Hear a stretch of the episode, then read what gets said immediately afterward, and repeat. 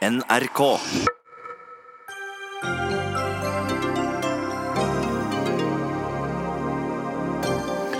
Er det straffbart å sette fyr på Koranen? Vel, ikke ifølge loven, men hvorfor grep politiet inn i Kristiansand da, etter ordre fra politidirektøren? For hvis ikke det var lovbrudd, hvorfor skulle de gripe inn? Oljebransjen overdriver verdens energibehov, mener Statkraft. Det blir debatt mellom energikjempene i Dagsnytt 18. Flere ungdomspolitikere ble med på utenlandstur med kraftkabelprosjekt, og nå fikk de også være med i promovideo. Dette er smøretur på nytt nivå, roper Ungdom, som takket nei til turen. Og hvor ble det av alle gutta? Hvor var det det butta? Gutta stemmer til høyre, jentene til venstre, og det bekymrer en herre på venstresiden.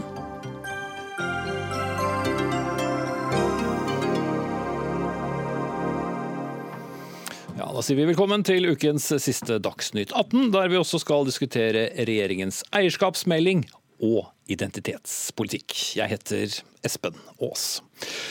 I kjølvannet av at lederen av organisasjonen Stopp islamiseringen av Norge satte fyr på en utgave av Koran under en demonstrasjon i Kristiansand i helgen, har det dukket opp en debatt om ytringsfrihet. For selv om det i utgangspunktet ikke er straffbart å tenne på bøker, ei heller Koranen, så grep politiet, som vi ser på bildene for de som følger sendingen på fjernsyn, likevel inn og slukket brannen, og tok hånd om både angripende motdemonstranter og ildspåsetteren selv. Demonstrasjonen ble deretter avbrutt. Bakteppet var, ifølge nettstedet Filter Nyheter, en ordre fra politidirektøren om å avverge skjending av nettopp Koranen. Og politidirektør Benedikte Bjørnland, hvorfor denne ordren? Ja, Nå er det nok behov for å rydde litt i faktum her. For Agder-politiets inngripen i denne demonstrasjonen var i utgangspunktet gjort som følge av brudd på vilkår for å gjennomføre selve demonstrasjonen. Det er regler som politiet har, hvor man kan pålegge visse vilkår for at demonstrasjoner skal gjennomføres trygt og sikkert, og under forhold som gjør at det ikke er farlig for publikum eller motdemonstranter eller for demonstrantene selv. Og Et av vilkårene som ble satt for å gjennomføre denne demonstrasjonen, var at det ikke skulle gjøre, gjøres bruk av åpen ild i forbindelse med markeringen. Og når man da brøt det vilkåret, så besluttet politiet på stedet, med utgangspunkt i situasjonen som da hadde utviklet seg, å avbryte demonstrasjonen.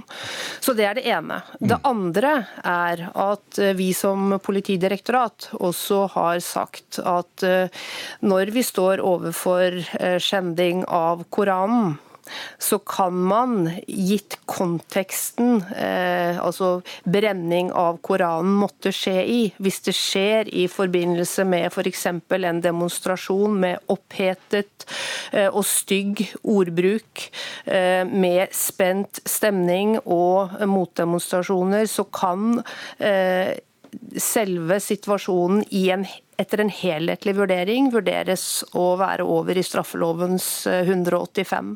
Det gjøres, må gjøres en helt konkret vurdering, og i tilfelle straffeforfølges i etterkant. Men står man overfor en slik situasjon, et pågående lovbrudd, så skal politiet eh, gripe inn.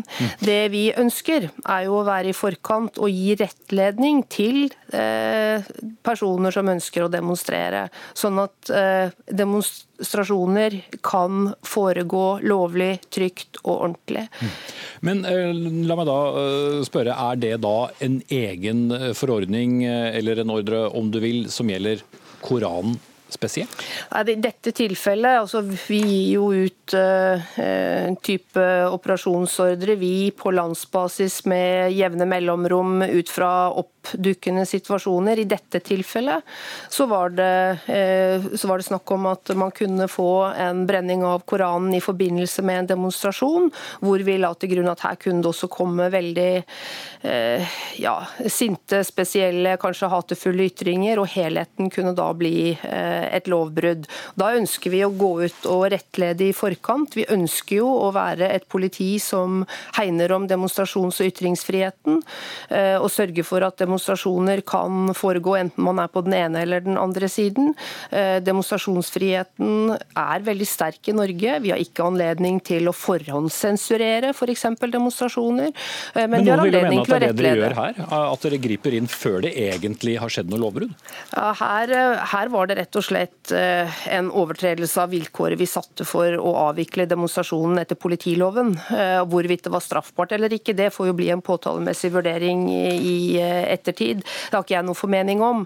Men vi har anledning til å stille vilkår for at demonstrasjoner skal kunne gjennomføres trygt og sikkert eh, til alle som er eh, implisert, enten det er demonstranter eller motdemonstranter. Mm. Men for å komme tilbake til denne ordren, da. Eh, det er, er dette da en stående ordre for andre oppdukkende situasjoner, for å bruke dine ord? Den vil fort bli revidert igjen. Vi baserer oss jo hele tiden på eh, en situasjonsvurdering og trusselvurderinger også fra PST, og den kan bli revidert neste uke, den, for å si det slik. Men det er et ønske fra Politidirektoratet at vi behandler noenlunde samme tilfelle likt.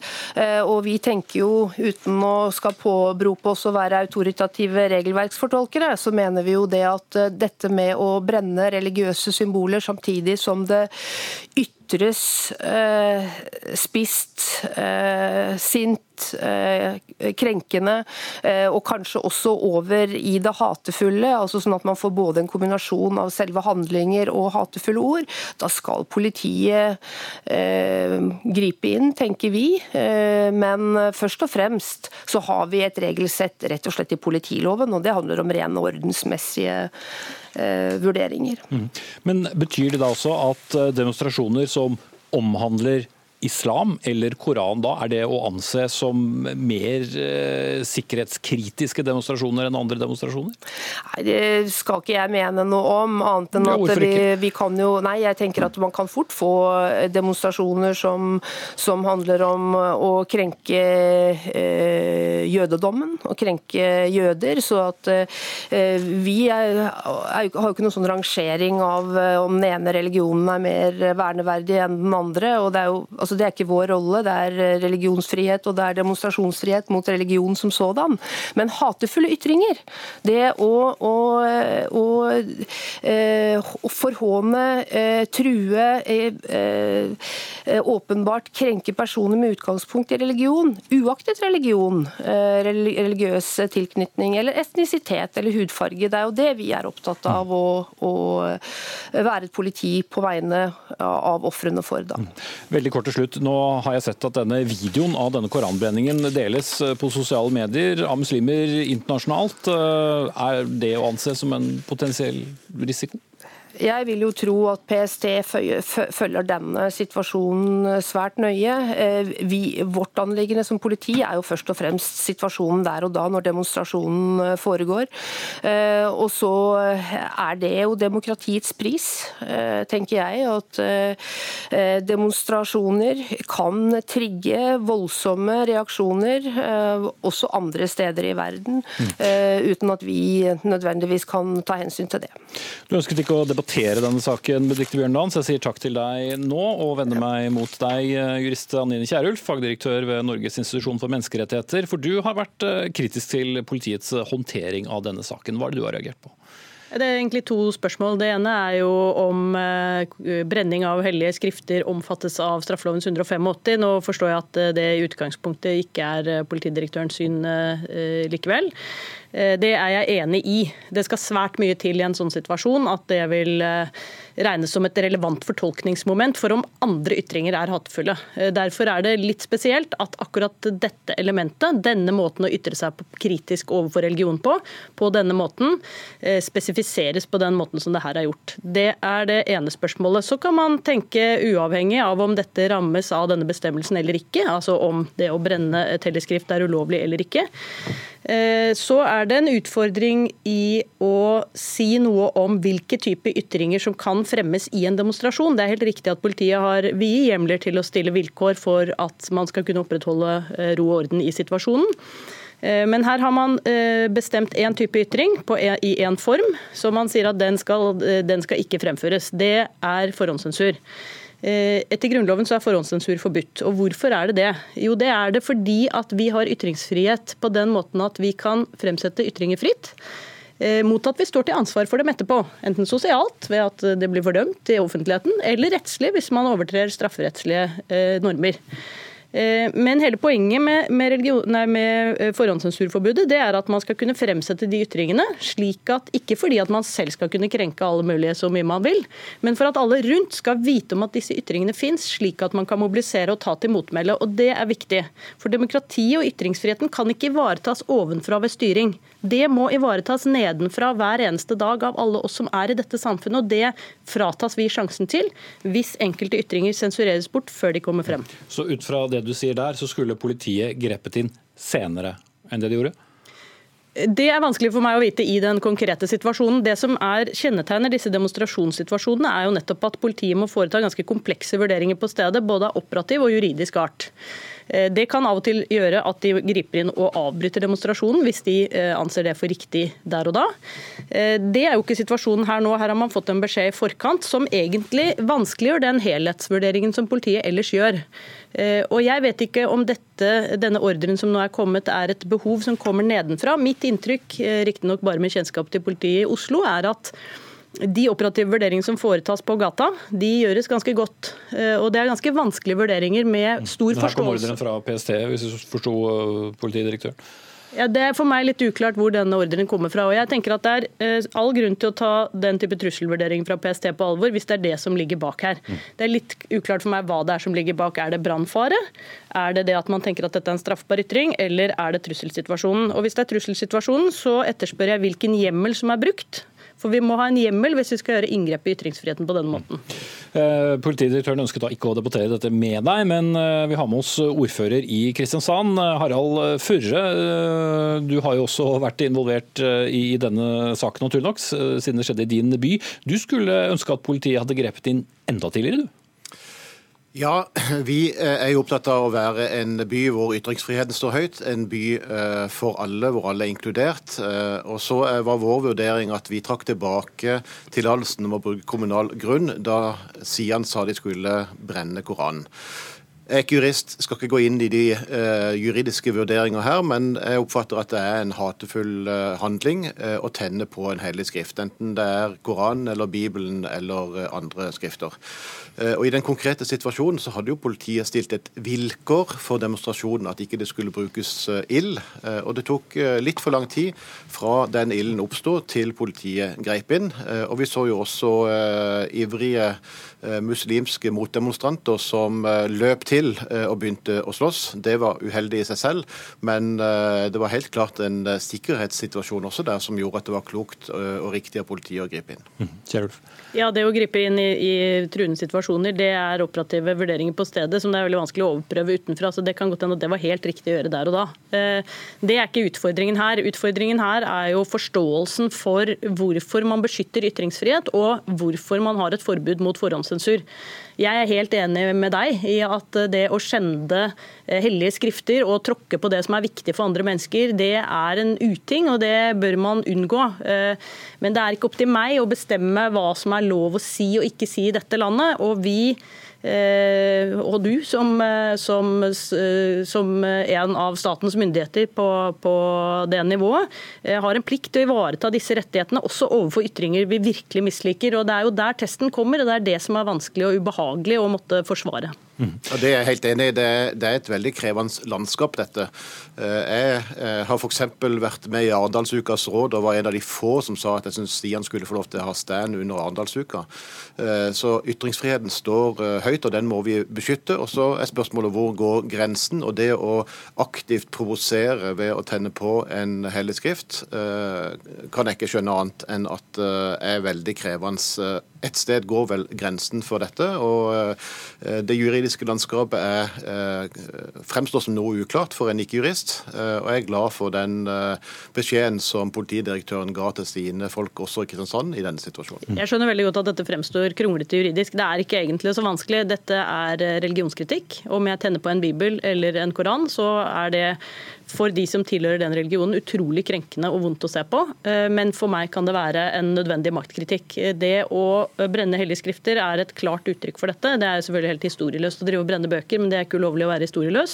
Dette skjer i mange sammenhenger, og jeg er spent på hvordan denne ordren skal følges opp. F.eks. overfor satanistkonserter som brenner bibler. Eh, om en gjeng med akademikere stiller seg opp med ti ulike hellige skrifter og tenner på dem, hvordan skal politiet reagere da? Dette etterlater en god del uklarhet, som eh, jeg håper at det blir ryddet opp fra Politidirektoratets side. Mm. Eh, kort til deg til slutt, Føre. Én ting var jo da brenningen av Koranen, men i og med man tillot demonstrasjonen i utgangspunktet, så var det vel all grunn til å tro at det uansett kunne gå litt hardt for seg? Ja, vi frykta jo det. Eh, og så eh, ble det jo en sånn avledningsmanøver fra Sian, da, hvor de først sa at de skulle eh, la være å brenne Koranen og ta den ned i ei søppelkasse, mens det var en annen representant der som, som avleda oppmerksomheten og tente på Koranen der og da. Og Det er helt åpenbart at dette er en unødvendig provokasjon som skaper uro og bekymring i de muslimske miljøet. Og de er også en viktig del av Norge. og vi skal beskytte de på en god måte. Eh, så det er en balansegang her mellom ytringsfrihet og det å sørge for god ro og orden eh, og mulighet til å uttrykke sin, eh, sin religion. Og så, blir det spennende å følge den videre debatten som Kjærulf og politidirektøren og andre dyktige jurister får ha. Og så skal vi sørge for i Kommune-Norge å håndtere dette på en best mulig måte. Mm. Men iallfall ikke forbudt å, å, å brenne bøker. men Ehm, det får være foreløpig eh, siste ord i denne diskusjonen. Takk til ordfører Kristiansand, Harald Fure fra Høyre, og fagdirektør ved Norges institusjon for menneskerettigheter, Anine Kierulf. Dagsnytt 18 alle hverdager kl 18.00 på NRK P2 og NRK2. Vi eh, diskuterer titt og ofte oljebransjen i dette studio, men et spørsmål som har dukket opp nå er om hvorvidt oljebransjen overdriver verdens energibehov. Det hevder i hvert fall Statkraft, som selv eh, som kjent leverer vannkraft og fornybar energi, men som altså slår fast at oljebransjens tall er villedende. Og Henrik Setnes, du er strategidirektør i Statkraft, og i en kronikk i eh, fagbladet NRW, eller NRW, eller hvordan man skal uttale det, så tar du et oppgjør med denne kampanjen som heter det store bildet som norsk olje og gass har. og Den mener du altså tegner et ganske villedende bilde av verdens energibehov. Hvordan er den villedende? Så, um, verdens energibehov i dag måles ofte i noe som kalles primærenergi. og Det er jo et nerdebegrep, sant? men for å på en måte forklare hva det er for noe, så er det jo sånn at hvis du uh, fyller uh, 100 liter med bensin på bilen din, så er det omtrent 25 liter som går til å drive bilen framover, og 75 blir til varme som går opp i luften. Hvis du derimot uh, fyller liksom 100 kWt på elbilen din, så er det et sted mellom 80 og 90% som går til å drive bilen framover. 80-90 kWt går til å drive den framover. 10-20 blir borte i tap. Mm. Så energiutnyttelsen er da bedre med strøm? Tre til fire ganger ikke sant? bedre. Men hva gjør i, eh, oljeindustrien galt? Ja, altså I denne eh, kampanjen, plakaten, så fremstiller de da eh, primærenergibehovet i dag og stiller det opp mot mengden fornybar energi vi har i dag. Poenget er at dersom verden skulle gå over til fornybar energi, som vi tror vil komme til å skje, så vil man trenge langt mindre primærenergi. For da er energibruken langt mer effektiv.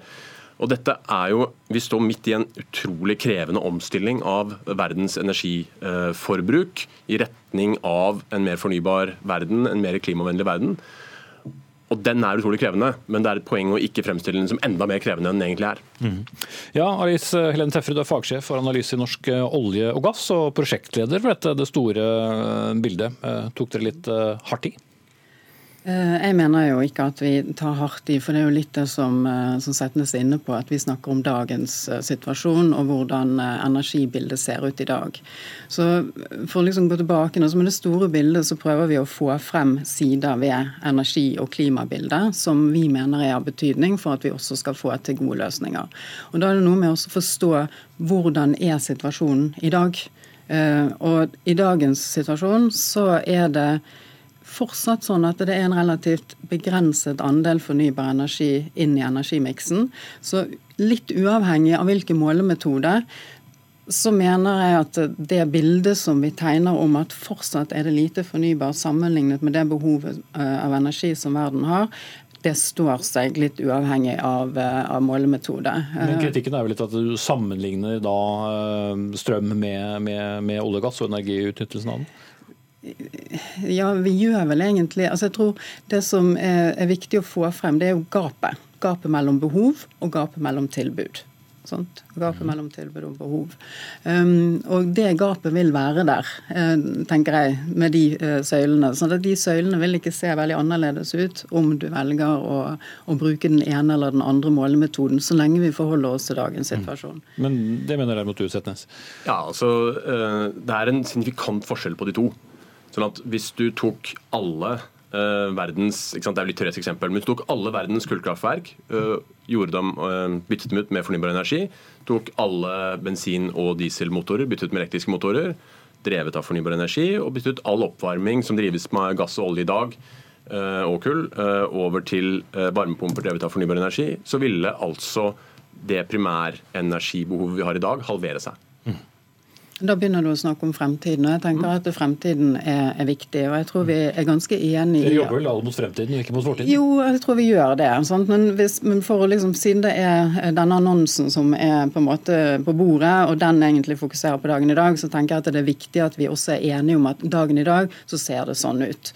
Og så Når vi da snakker om, om fremtiden, så tenker jeg at uh, ja, det er helt riktig det at uh, vi går i en retning hvor det blir mer elektrifisering. Og det har veldig mange, uh, mange, fordeler. For det første så er det jo sånn at når vi elektrifiserer, så kan vi faktisk velge hvilken energibærer vi ønsker å bruke.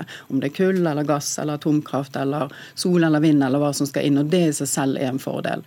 Og så er det jo det som, som du peker på, at en elektrifisering er mer effektiv energibruk. Um, fornybarkilder bør være Eh, det viktigste inn i en elektrifisering, fordi at de er fornybare og de mm. slipper ikke ut CO2. Sånn at jeg tror Når det gjelder fremtiden, så er vi nok enig i at elektrifisering er viktig, og at elektrifisering er også effektivitetsskapende. Men skaper ikke dere et bilde av at vi da trenger mer energi og mer olje og gass? For veldig ofte så sier jo dere når dere er her i studio at verden trenger olje og gass i mange mange år fremover. og Derfor så er det viktig at nettopp norsk olje og gass eh, fortsetter eh, å pumpes opp. Jeg tenker at Det vi peker på, det er at det er en stor utfordring. Eh, det å, å, både skulle nå klimamålene og det å sørge for energiforsyning til verden. Det er det vi prøver å få frem. Eh, og jeg tenker at eh, Når jeg leser lavutslippsscenarioet som, som Statkraft lager, så får jeg jo ikke noe inntrykk av at de opplever at den utfordringen er mindre enn det vi ser på. Sånn at det, det som jeg syns er viktig nå, det er egentlig bare å erkjenne at liksom, det er en kjempeutfordring. Og vi må antagelig gjøre veldig mange ting hvis vi skal finne en løsning. Ja, hva er konsekvensen av uh, å, å, la da Norsk olje og gass sin uh, kampanje stå uimotsagt, uh, Setnes? Så Vi er jo ikke enig i liksom det, det, tekniske tallgrunnlaget. Spørsmålet er hvordan du tolker det bildet som framstilles. Og det er klart, Hvis liksom, framstillingen er at dette er uoverstigelig vanskelig, eller det er mye vanskeligere enn det egentlig er, så er det bekymringsverdig, syns vi. Mm. Vi tenker at det er, eh, og vi mener at det finnes mange analyser, herunder våre egne, som viser at det går an å komme seg i hvert fall i nærheten av Parisavtalens mål med noen relativt enkle virkemidler, hvis man bare gjør tilstrekkelig mye av dem og tilstrekkelig kraftfullt. Og Det handler om fornybar energi og elektrifisering. De to vil bringe oss langt i retning av Paris-avtalens mål, og det er de teknologiene og løsningene som er mest modne i dag i tillegg. Mm. Så Tøffere er i overkant eh, pessimistisk, men samtidig holder oppe da en forventning om at du trenger olje og gass eh, lenger? Altså jeg skal ikke si hva motivene til norsk olje og gass er, på noe som helst vis, men, men frykten min kanskje er at man, øh, at man kan tolke den annonsen på den måten. Jeg tenker jo det at det er verre om vi undervurderer eh, utfordringen enn overvurderer den. For Hvis vi undervurderer den, så er jo faren at vi rett og slett ikke gjør nok. Og jeg tror at vi må gjøre mye. Og Det du sier om at, eh, at det er relativt enkle grep, ja kanskje er det enkle grep fordi det er kjent teknologi, men det som gjør det vanskelig, det er at vi skal gjøre så veldig mye av det. Og så er det noe med at vi har dårlig tid, så vi må gjøre de tingene som har effekt på kort sikt. Og da trenger vi egentlig en hel palett av virkemidler for å få det til. Så det å fremstille ting at det er enklere enn det det er, tror jeg nesten er verre enn en å ikke gjøre det. Og som sagt, dagens situasjon, så ville ikke de søylene sett an, veldig annerledes ut. Okay, det har du sagt. Men uh, du står i hvert fall ved ditt om at de tok litt kraftig. Takk til Henrik Setnes, strategidirektør i Statkraft, og Alice Helene Tefre, fagsjef for analyse i Norsk olje og gass.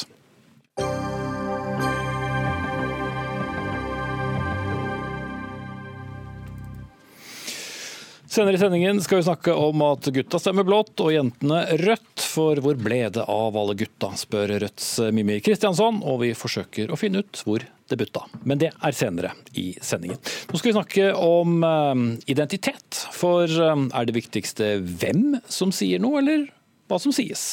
Det er i hvert fall et av flere spørsmål som du stiller i en kommentar om nettopp identitetspolitikk og polarisering. Aftenposten, Knut Olav Åmås, direktør i stiftelsen Fritt Ord, og du mener å se en tendens mot at det er viktigere å være riktig person for en ytring enn at det man sier er, er riktig. Hva mener du egentlig med det?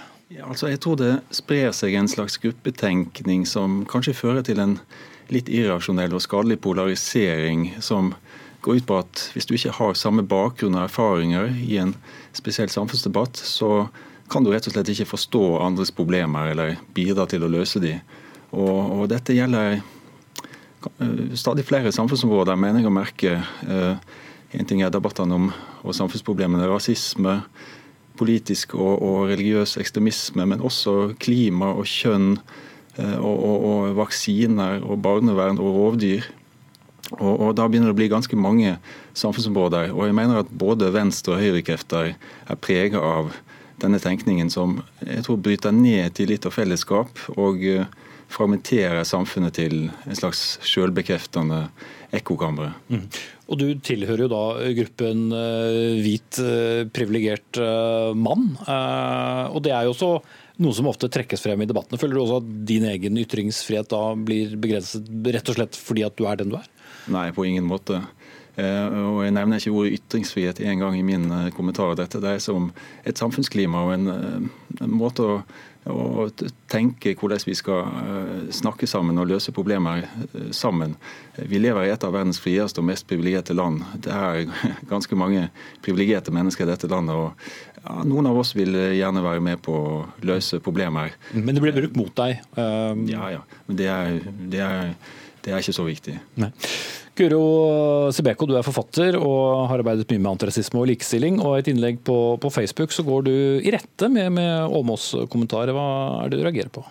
Det jeg reagerer på, er jo først og fremst den siste delen av den kommentaren. Eh, hvor han på en måte viser nettopp hva som kan føre til det du beskriver i den første delen, som jeg vil kanskje vil si at er den uheldige delen av det som på engelsk kalles call-out culture. Mm. Kanskje vi kan kalle det gapestokkultur på norsk. Mm. Eh, og eh, i den siste delen så beskriver du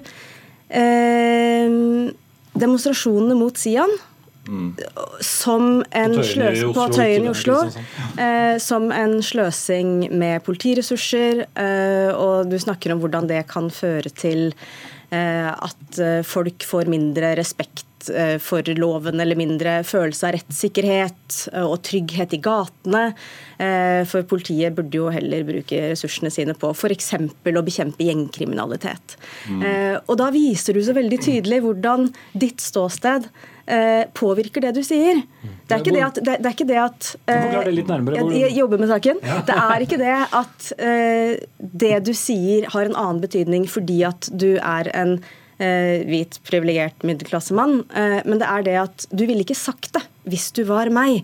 Fordi at For meg så er det jo ingen sløsing med politiressurser å sørge for at barn på Tøyen ikke må møte folk som preker folkemord mot dem og familiene sine når de er på vei hjem fra biblioteket en lørdag formiddag. Mm.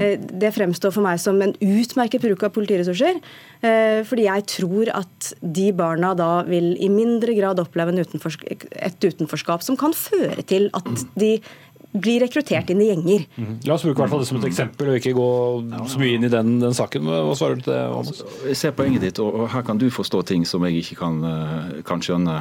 Uh, uh, fra ditt perspektiv i samfunnet. Altså, Det er ingen tvil om at sånne demonstrasjoner har en positiv virkning for miljøet og for de som deltar, og for flere også, helt sikkert. Det jeg har prøvd å problematisere, er disse massedemonstrasjonene som samfunnsfenomen, fordi det angår oss alle. Bl.a. fordi så store Eh, politiressurser er involvert, og fordi disse demonstrasjonene får så mye oppmerksomhet. Og, og, og fordi de ofte utarter til tumulter og noe som ligner på gateslag. Det, det, så vi sist i Kristiansand. Og Det jeg tror er at eh, det å fokusere så mye av kampen mot rasisme og ekstremisme mot eh, en i seg selv liten gruppering som Sian, som er ekstremt provokative og svært utstuderte i, i sine Eh, stunts, nå sist koranbrenning i Kristiansand. Eh, jeg tror at dette gir de akkurat den oppmerksomhet de ønsker. Det bekrefter de for så vidt selv.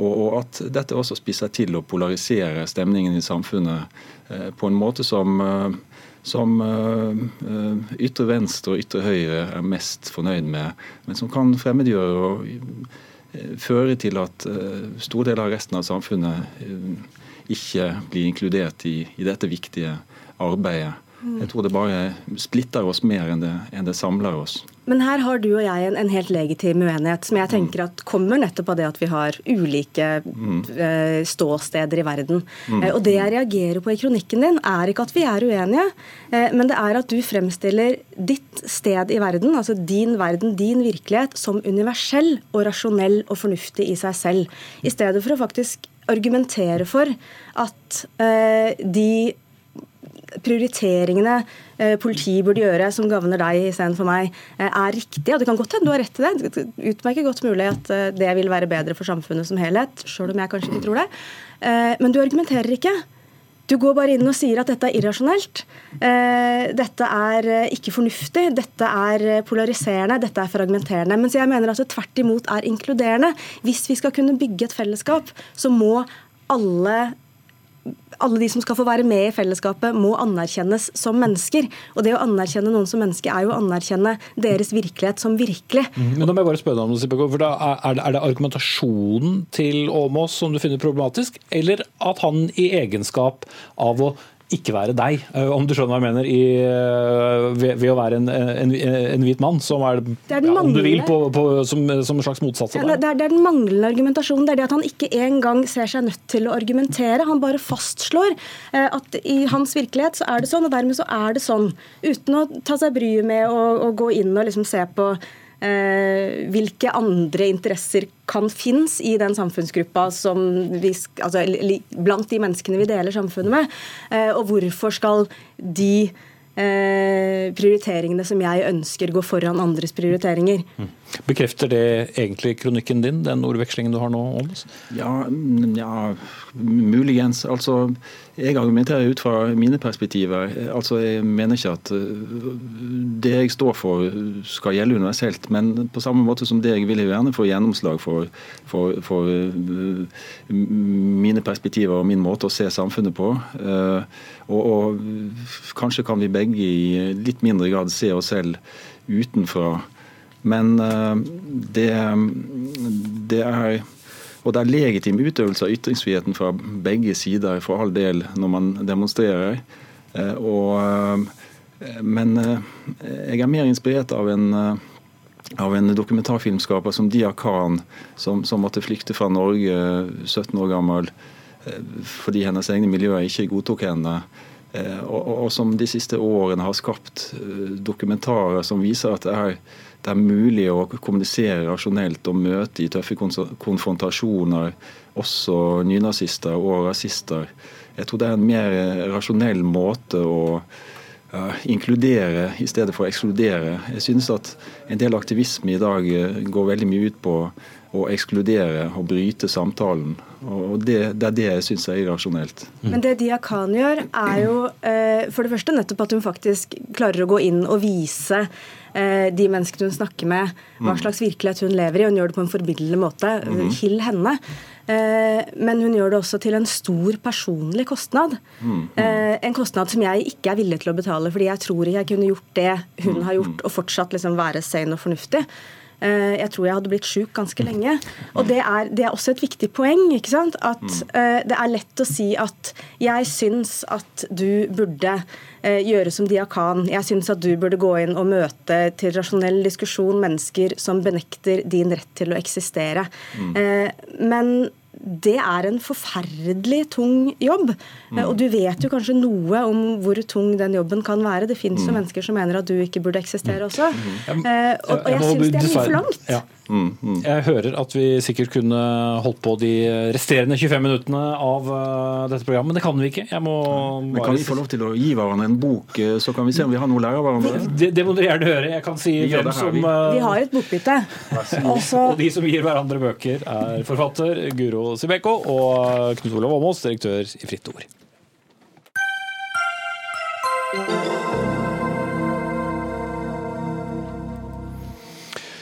I eh, høst sendte kabelprosjektet NorthConnect, som skal bygge kraftkabel mellom Norge og Skottland, fire ungdomspolitikere fra AUF, Unge Høyre, Grønn Ungdom og Natur Ungdom på en sponset tur til Skottland. Med på turen var også et kamerateam, noe som har eh, sikret tre ferdige promoteringsvideoer for prosjektet, der de samme ungdomspolitikerne medvirker. Men i Klassekampen i dag så tar du, Tobias Drevland Lund, leder i Rød Ungdom, et oppgjør med ungdomspartiene som var med. Hva reagerer du på? Jeg kan jo først innrømme at jeg har vært på en del sånne smøreturer sjøl. Ja, altså, det er ikke det. Eh, men i seg sjæl så er det jo litt problematisk. Fordi ungdomspartiene de begir seg ut på disse turene. Men inngangsbilletten er jo ofte der som betaling. At man eh, går til moderpartiene sine og prøver å påvirke de i en eller annen retning. Eh, og nå er det jo helt greit, fordi Grønn Ungdom her er jo for disse utenlandskablene. Men likevel så er det en stor forskjell på å dra på studietur eller på smøretur med f.eks. et LO-forbund som Industri Energi, som jeg sjøl har dratt på tur med, som er en viktig del av den norske treparts samarbeidet. Eh, men det er stor forskjell på å gjøre det enn å dra på tur med NorthConnect, som er en kommersiell og har en kommersiell egeninteresse av å bygge utenlandskabler. Og så er det jo slik, da, eh, og det må sies at jeg har aldri opplevd smøreturer på det nivået her før, der det også kreves i ettertid at du er med i en promoteringsvideo som en slags reklamefilm. Det er å ta eh, disse smøreturene på et nytt nivå. Og jeg er også ganske redd for at hvis det skal være normen framover, at vi ungdomspartiledere og politikere skal være reklameplakater for ulike egeninteresser, ulike kapital kapitalinteresser, ja, da tror jeg det også kan true demokratiet. Ok. Nora Eierdal, internasjonal kontakt i Grønn Ungdom, du var da eh, på tur. på tur. Har det blitt brukt? Eh, jeg opplever ikke at jeg har blitt brukt. Jeg opplever at jeg har tatt et aktivt valg om å stå skulder ved skulder med fornybarbransjen i å eh, snakke om kraftdebatten. Jeg opplever at det bare er én side av kraftdebatten som tar til orde og snakker med utestemme, og det er f.eks. fagbevegelsen, Senterpartiet og Rødt. Og jeg og mange andre har følt på en frustrasjon over at eh, kraftdebatten er sånn. Og vi har ønsket å ta til orde med eh, våre argumenter. For Forskjellen er at eh, de partiene er imot en utenlandskabel, men, men er dere er for. Så vi stiller opp i veldig mange kampanjer, f.eks. i Facebook-videoene til Amnesty. Og nå har vi blitt spurt av en, en offentlig eid kraftkabel om å være på tur, og så la oss filme, sånn at andre unge mennesker kan, kan, se de videoene og se våre tanker. Jeg har jo ikke blitt brukt når jeg har fått ha full kontroll over hvordan de Facebook-videoene skal se ut. Jeg har sett videoene før de har blitt sendt på Facebook. Så jeg føler bare at jeg har fått i samarbeid med NorthConnect et talerør for eh, de interessene som de har, men som jeg også er veldig opptatt av. At vi skal få gjennomslag politisk i miljøbevegelsen for å dele kraft på tvers av land. Fordi det er klimavennlig, og fordi det vil skaffe Norge inntekter. Og Da er det også legitimt eh, hvis f.eks. en ungdomspartileder fra, fra, Fremskrittspartiet ville deltatt i en, en video for Equinor. Ja, så lenge han eller hun mente at det var riktig. Ja, det ville jo aldri jeg i hele mitt liv gjort. Og noe av det som var premisset her også, var jo at, at eh, det er en offentlig eid kraftkabel. Det er ikke noen kapitalinteresser. det er ikke noe profitt her. Dette handler jo om fellesskapet. ikke sant? Vi vil få masse inntekter til fellesskapet. 20 000 varme hender i liksom, offentlig omsorg hvis vi får disse inntektene. og Da var det veldig viktig for meg å, å, kunne gjøre det. Og så mener jeg at Fremskrittspartiet må gjøre sine vurderinger. Hvis de har lyst til å stille opp for Equinor, så er jo det litt dust, men det, det må de gjerne gjøre. Tenkt eksempel, la oss ikke bruke tid på det. Lund? Jeg skulle jo godt ønske at det var mer offentlig eie i kraftbransjen. så sånn sett så er det jo ikke feil at dette er offentlige selskaper, altså en sammenslutning av det. Det er greit, men det er jo helt klart at man vil jo tjene penger på disse kraftkablene. Det er derfor man vil ha de. Det kan jo du svare på sjøl fra NorthConnect. Men det er jo også et annen side av det her. Det er snakk om industridød for viktige bedrifter rundt omkring i Norge. De er helt avhengig av tilgang til billig billig strøm og billig kraft. Og når jeg var på en smøretur, da, kall det det, eh, i Sunndalen, på Hydro Sunndalen, så var det det aller viktigste jeg fikk høre fra de tillitsvalgte der. Ikke tull med kraftavtalene våre. Det er det vi lever av. Det er forutsetninga for industri. du drar på de smøreturene du liker, og de andre drar på de de liker. Hva er forskjellen? Ja, men greia, Nora stiller seg jo bak budskapet, det er helt greit. Men eh, poenget her er at i alle disse smøreturene som vi deltar på som ungdomspartier og ungdomspolitikere, så må vi ikke delta på en slik måte som vi er en del av en propagandaapparat for selskapene i ettertid. stiller er ikke du opp i. Facebook-videoene til Amnesty? Dette er, dette er NorthConnect. Ja, Amnesty er en ideell organisasjon som kjemper for menneskerettigheter rundt omkring i hele verden. Det er forskjell på å stille opp i noen som har en egeninteresse rent kapitalmessig, og som har lyst til å tjene penger på kraftkabler. Hva blir det neste? Skal vi stille opp i liksom reklame for Rema 1000 for å selge kylling? Er det det Grønn Ungdom skal gjøre? Det er det jeg lurer på. Hva blir neste trekk? Svar på det kort, eh. Ja, altså, eh, Jeg stiller jo ikke opp for å selge kylling fordi jeg er opptatt av at man ikke skal spise kylling, og heller ikke eh, den private profitten som det ville vært for Rema 1000. Jeg stiller jo opp for alle de skattebetalerne som vil få penger, altså penger inn i velferdsstaten gjennom NorthConnect. Det er ikke først og fremst NorthConnects interesse, men skattebetalernes interesse, så jeg skjønner på en måte ikke okay. helt problemet her. Eh, Lars Nermoen, du er kommunikasjon- kommunikasjonssjef for dette NorthConnect-prosjektet. Hvorfor var det viktig å både invitere med dere i hvert fall noen av ungdomspolitikerne, de som er for dette, i hvert fall flestparten, og, og så hadde med video etterpå? Det er viktig fordi at vi har et, eh, et godt klimatiltak. Eh, eh, Jeg tenker at, at debatten om kraftutveksling i dag, så er aspektet med klima det er fullstendig borte. Vi har et tiltak her som kan bidra at vi i Storbritannia kutter to millioner tonn CO2 hvert eneste år. Og Jo, det er ganske, jo, men det er ganske mye. Det er, Men, men effekten av å ha med de ungdomspolitikerne som i utgangspunktet er positive, med unntak da kanskje av AUF, da. Ja, men det er, det er et ganske viktig poeng å få fram. Da, for det, er, det er tilsvarer én million personbiler, altså utslippene fra det hvert år. Jo, jeg skjønner jo, det. ser vi Men det. så vil jeg vite hvorfor eh, dere betaler da 75 000 kroner for å ha med dere ungdomspartiledere, både i video og på tur. Ja, og så ser vi da sant, at det er et stort klimaengasjement blant unge mennesker, politikere, men også i miljøorganisasjoner. Og Da er det selvfølgelig viktig for oss å vise hvordan kraftutveksling bidrar til å løse klimaproblemet. Og Da dro vi til Storbritannia for å finne ut mer om det. Og Der står de i utfordringer som er ganske annerledes enn det vi har her hjemme i Norge.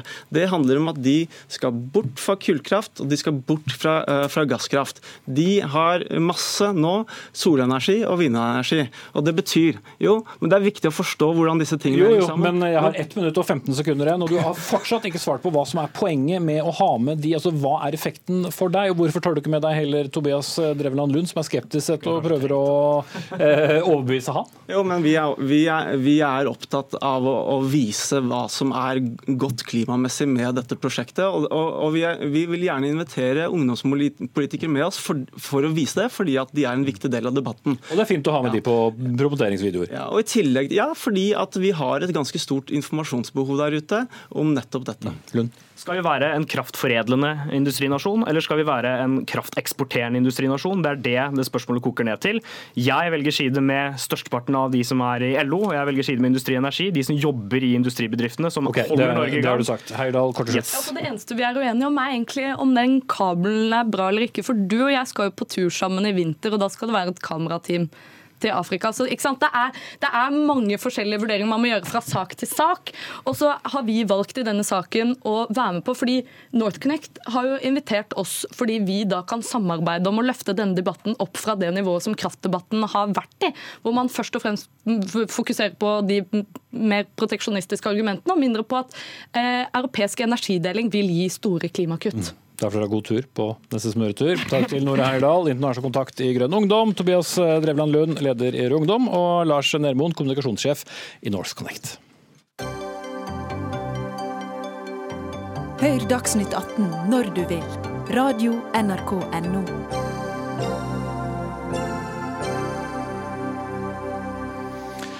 I dag la regjeringen frem eierskapsmeldingen sin. Og hvorfor skal vi bry oss med en eierskapsmelding, lurer du kanskje på? Jo, for det handler rett og slett om at vi, eller staten da, eier 73 selskaper og sitter på om lag en tredel av verdiene på Oslo Børs.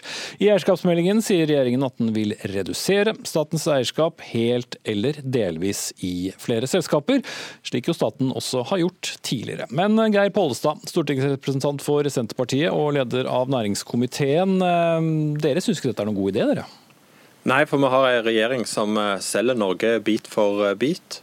Denne eierskapsmeldingen viderefører det. En sier at det er et selvstendig mål å redusere statens eierandel i en rekke bedrifter, og at den totalen skal ned. Det mener vi er en feil utvikling. Vi ønsker å se bredere på eierskapspolitikken og hvordan vi kan bruke det at staten er eier, som et virkemiddel for å sikre norsk eierskap til bedrifter som er viktige for Norge. Og mm. Det svarer ikke denne meldingen på. Men dette har vi gjort en rekke ganger i tidligere Statoil, i Telenor, Hydro osv. Har det vært galt? Det kan stilles mange spørsmål med det. Vi har vært mot en rekke av nedsalger. Vi ønsker å styrke det norske eierskapet og bruke det statlige eierskapet. Det betyr at en kan både kjøpe og selge, men det at en bruker den statlige kapitalen til å grunngi at vi skal ha nasjonalt eierskap, at det skal være godt nok. For Det som er hovedproblemet her, er at regjeringen har en ideologisk tilnærming til det, der det er et mål å redusere statens eierskap, uten at en særlig godt gir rede for hvorfor en ønsker det. Så det er litt sånn umoderne. I vår tid så trenger vi eh, å bruke staten aktivt, sammen med privat kapital, for å sikre norsk eierskap til norske bedrifter. Torbjørn Røe Isaksen, næringsminister fra Høyre. Hvorfor er det viktig at eh, staten får eh, lavere inntekt på sine aksjeutbytter og bestemmer mindre i store, viktige selskaper? Kommer helt an på hvilket selskap det er. Men la meg, la meg først si at den eierskapsmeldingen her, den, den, den, kom i dag. Og Senterpartiet tror jeg sendte ut pressemeldingen sin før de hadde lest meldingen. Eh, når jeg hører på Pollestad nå, så tror jeg ikke han har lest det som står der nå heller, men det er mulig jeg tar feil i det. Her er det sånn at eh, Vi har et veldig enkelt prinsipp egentlig til grunn. For det er ikke sånn at regjeringa mener at vi skal selge oss ut av ethvert selskap i Norge, eller at eh, staten ikke kan eie. Den store nyheten i dag har jo faktisk vært at regjeringa har sagt at vi ikke kommer til å be om fullmakt til å selge oss videre ned ned i Telenor. Vi ber heller ikke om fullmakt til å selge oss ned i kjente og store virksomheter som Yara, Hydro, Equinor osv. Men så er det sånn at der det ikke er noen spesiell grunn for staten til å eie, der vi ikke er opptatt av at vi skal ha et hovedkontor, eller det er et selskap som fyller en viktig samfunnsrolle, eller har et politisk formål som Vinmonopolet, da mener vi at det ikke er noen grunn for staten til å eie. Et eksempel på det er at vi har solgt oss ned i f.eks. Entra. Entra er et supert selskap. De driver mm, kontorbygg og utleie av kontor, kontor og eiendomslokaler over hele Norge, men det er ikke en kjerneoppgave for staten å drive med. Heller ikke et viktig strategisk eierskap, og da kan vi selge oss ned. Og så er det helt riktig som Polstad sier at denne regjeringa her er opptatt av privat eierskap også. Jeg husker jo en gang Senterpartiet også var det, men det begynner å bli noen år siden. Polstad. Ja, Det som kanskje skiller tydeligst her, er at eh, regjeringen mener at det å sikre norsk eierskap ikke kvalifiserer som en spesiell grunn. Og Det er der vi ønsker å bruke denne prosessen her til å utvikle en type eierskapsvirkemiddel som gjør at staten kan kjøpe seg opp i bedrifter som står i fare for å bli solgt ut av eh, landet. Eh, sikre at eh, hovedkontor, forskningskompetanse blir i landet. Så Det er forskjellen. at Regjeringa går inn for en passiv statlig eierskapspolitikk. Vi ønsker en aktiv eierskapspolitikk. Så jeg er veldig glad for at Telenor At han skulle fortsette å eie de selskapene hvor det var strategisk viktig, og så ikke eie de selskapene som staten ikke anså som viktig? Jo, der, det, der, skal han ha ros for en ting, og det er at Telenor nå har en eh, lytta på Senterpartiet og snudd i den saken. Vi har tidligere greid å stoppe regjeringa sine planer om å selge ut Kongsberg Gruppen. Eh, vi har greid å stoppe planene om å selge ut Flytoget. Det er vi jo selvsagt fornøyd med. Men vi ønsker ikke bare å sikre de selskapene som er nå. Det kan komme situasjoner der det er behov for å bruke statlig kapital for å kjøpe seg opp i selskap som står i fare for å havne på utenlandske hender. For jeg tror over tid så lønner det seg at vi har nasjonalt eierskap over bedrifter som er viktige i Norge. Mm. Så er det mange ting i denne meldingen vi er enige om, og det vi, trenger vi ikke diskutere. Nei. Men hovedessensen er at eh, forskjellen på et aktivt eller passivt statlig eierskap. Okay. Men, men, men, eh, men Pollestad, altså, det, det, dette, er jo, dette er masse retorikk, men det henger jo ikke sammen med det vi faktisk har lagt fram i dag. La meg ta et konkret eksempel på en av de tingene vi har gjort. da. Vi solgte oss ut av SAS. Vi har ikke, og heller ikke planer om, å selge oss ut av Equinor, av uh, Hydro, av Yara, for å ta tre eksempler. Det er fordi at vi skal ha hovedkontor og kompetanse i Norge. Hvis du hadde lest meldingen, så hadde det stått. Men så hadde vi da 11% av flyselskapet SAS. Det var altså en gang i tiden en viktig strategisk eierskap for å bygge opp et flyselskap i Norden. Var det ikke lenger nå. Vi hadde ingen reell innflytelse over selskapet. Da er det rimelig å selge det ut. Men så er det én ting jeg skjønner, og som jeg la merke til i Senterpartiets pressemelding. For jeg nevnte at Senterpartiet en gang i tiden var opptatt av privat eierskap. Men nå er Senterpartiet bare opptatt av statlig eierskap. Eh, nå er de opptatt av norsk eierskap i form av statlig eierskap. For jeg la også merke til at Da Senterpartiet la fram sitt alternative budsjett nå for en periode stund siden, så skal de altså straffe norske private eiere gjennom høyere skatt. De skal altså høyere skatt på norske eiere som har verft på Vestlandet, en okay, snekkerbedrift i Rogaland der eh, Pollestad kommer fra, produksjonsbedrift i Telemark. Jo, men disse to, jo, men, ja, men, men disse to tingene henger sammen, alt, alt programleder. Men jo, jeg vil helst spørre deg, fordi vi har så liten tid igjen. Hvorfor har regjeringen forresten endret planene om å redusere statens eierandeler i Telenor fra 54 til 34? Eh, Trodde dere ville eie mindre? Eh, ja, altså Vi vil eie mindre der det ikke er noe spesiell grunn til å eie. Eh, men nå har det aldri vært sånn at vi har hatt planer om å kvitte oss med alle aksjene i Telenor. Vi har heller ikke benyttet den ja, altså Vi har heller ikke benyttet det i denne perioden, og da er det naturlig å si at, eh, at, her er det ikke noen grunn heller til å selge seg ut videre. Og så er det viktig å si også at, eh, som jeg har gjentatt flere ganger i dag, denne regjeringa og jeg som næringsminister kommer aldri til å selge aksjer på billigsalg av ideologiske grunner. Vi selger oss ut der staten ikke har noen tungtveiende strategisk eller hovedkontorgrunn til å eie, men vi gjør det når vi kan få best mulig pris, for det vi holder på med, det er å forvalte milliardverdier på vegne av folk i Norge. Mm. Og det burde også innebærer at en kunne kjøpe seg opp i enkelte selskaper hvis en sånn situasjon skulle oppstå. Eh, og så er vi glad for at vi har fått gjennomslag for at Telenor ikke skal selges ut.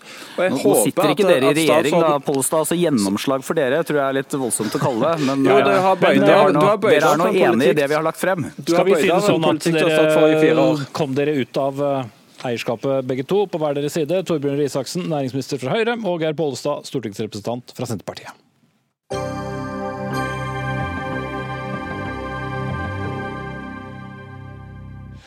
Venstresiden i norsk politikk har mistet mannetekket, og ingen ser ut til å bry seg. Det skriver Rødt-politiker Mimir Kristiansson i en kronikk her på NRK Ytring, og stiller spørsmålet hvor ble det av alle gutta? For ved stortingsvalget i 2017 så stemte 30% av menn på Arbeiderpartiet, SV og Rødt, mens 46 stemte på Høyre og Fremskrittspartiet, ifølge valgundersøkelsen til Statistisk sentralbyrå. Og Det føles liksom ikke helt stuerent å diskutere hvordan rød-grønne partier skal tiltrekke seg flere menn, skriver du Kristiansson, kommunestyrerepresentant for Rødt i Stavanger. Hva, hva ligger du ikke helt stuerent?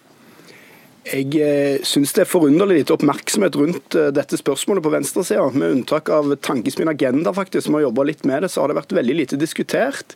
Og det er et eller annet som gjør at man vegrer seg for å gå inn i debatten, tror jeg, for å se hvorfor er det venstresida har en politikk som appellerer så lite til norske menn. Og jeg har jo prøvd å vri hodet sjøl, jeg er jo mann sjøl, så jeg har prøvd å finne ut hva, hva er det som dette kan være. Eh, og jeg har i hvert fall kommet fram til at én ting jeg tror kan være ganske sentral, det er venstresida høyresiders skole- eller utdanningspolitikk. der det oppleves for meg som om svarene fra venstrepartiene veldig ofte er mer skole. At vi skal ha lengre skoleløp, lengre skoledager, kortere sommerferie har noen foreslått, obligatorisk videregående, obligatorisk barnehage, mer pedagoger i barnehagen osv. Da vet vi, hvis vi ser på statistikken, at gutter gjør det vesentlig dårligere enn jenter på skolen. Det er mange flere gutter som faller fra. Det er mange flere gutter som ikke går på universitet og høyskole. Sånn at jeg tror at en sånn utdanningspolitikk som baserer seg på mer skole hele tida. Det tror jeg kan være en av grunnene til at eh, mange menn ikke syns det virker så fristende alltid med, med venstresidens partier. Ja, så venstresiden bør endre politikk, da, er det det du sier? På mindre skolepolitikk for å tiltrekke seg flere menn? Jeg tror i alle fall venstresida må vurdere muligheten for at noen ganger kan svaret være mindre skole og ikke mer. Og så er det jo klart at eh, Folk er jo forskjellige. og sånn, eh, Det handler jo om kjønn, men det handler jo selvfølgelig også om klasse. Det er jo noen som trives godt eh, i skolen av begge kjønn. Det er nemlig de som har ofte foreldre med høyere utdanning sjøl. Men skal venstresida appellere til de gruppene som kanskje ikke lykkes i skolen, som ikke trives så godt i skolen, så kan ikke svarene være hele veien å pøse på med lenger og mer skole i alle sammenhenger. Og en av effektene effektene av det, tror jeg, er at man skremmer bort eh, mange menn. Ok. Kirsti Bergstø, nestleder i SV, der er landsstyremøte i Oslo i dag. Ja, hvor ble det alle gutta? Hvor var det det butta? Altså, først så er det ikke et problem at mange kvinnfolk stemmer SV eller på venstresida. Det er bra at flere kvinner sier at man må gjøre det for å sikre fast og hel stilling eh, i arbeidslivet. Men du vil ha flere man, vanlige velgere òg? Definitivt. Og at man ønsker å få flere kollegaer innenfor helsevesen og skole og barnehage.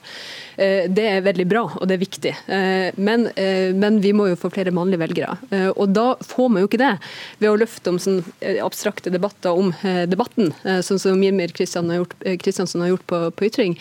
Eller ved å eh, sparke i alle retninger uten å komme med noen forslag, eller komme med feilaktige eh, påstander om SV sin politikk. Eh, sånn som han gjør med f.eks. Eh, å vise til et elleve år gammelt utspill eh, som ikke engang er SV sin politikk, eller å komme med en feil beskrivelse av SV sin skolepolitikk. Men vær litt Fordi... løsningsorientert. Da. Hvordan skal du, Audun Lysbakken og Torgeir Knag Fylkesnes og de andre i SV invitere flere herrer spillere inne i, laget? Det handler jo om å vise at vi både har en eh, god politikk eh, for kvinnfolk, men også for Eh, for det som er mange menn sin interesse, for det handler om, om klasse. Eh, og det handler om å heller løfte debatten eh, om hvordan vi skal få bort bemanningsbransjen fra arbeidslivet. Hvordan skal vi sikre skikkelige forhold innenfor bygg, anlegg, industrien. Det handler om å jobbe for en industrireisning, for at vi skal sikre oppdrag til verftene. At vi skal sikre at folk som jobber i industrien i dag, har arbeid også i fremtida, når vi må omstille eh, fra eh, oljesektoren.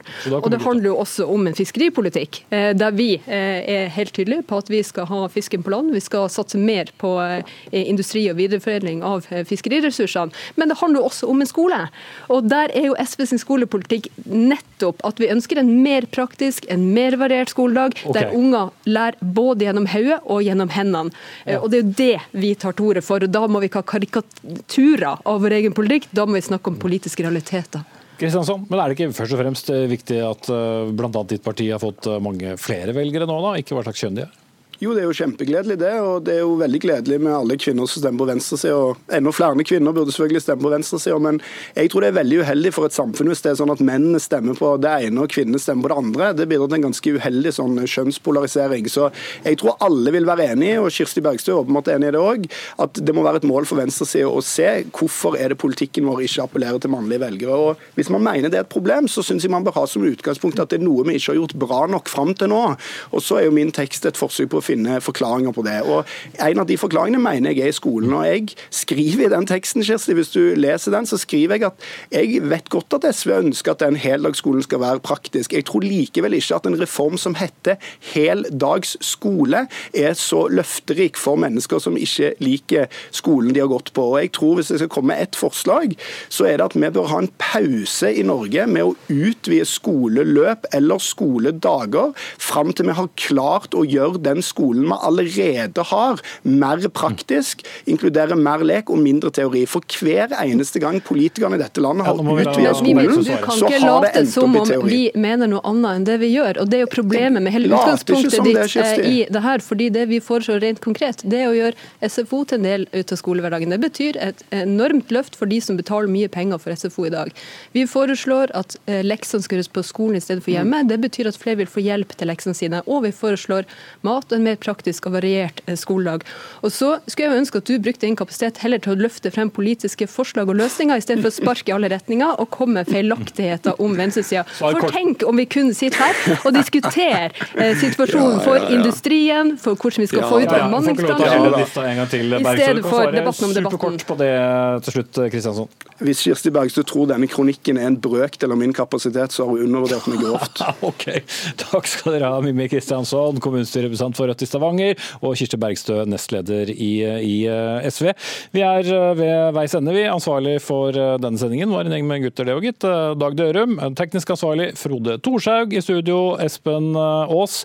Og vi butta altså ikke med gutta her. Vi ses og høres igjen på mandag. Høres det lenge ut? Ja, til rolig tilbake fra 259 200, så ses vi allerede. Takk for nå.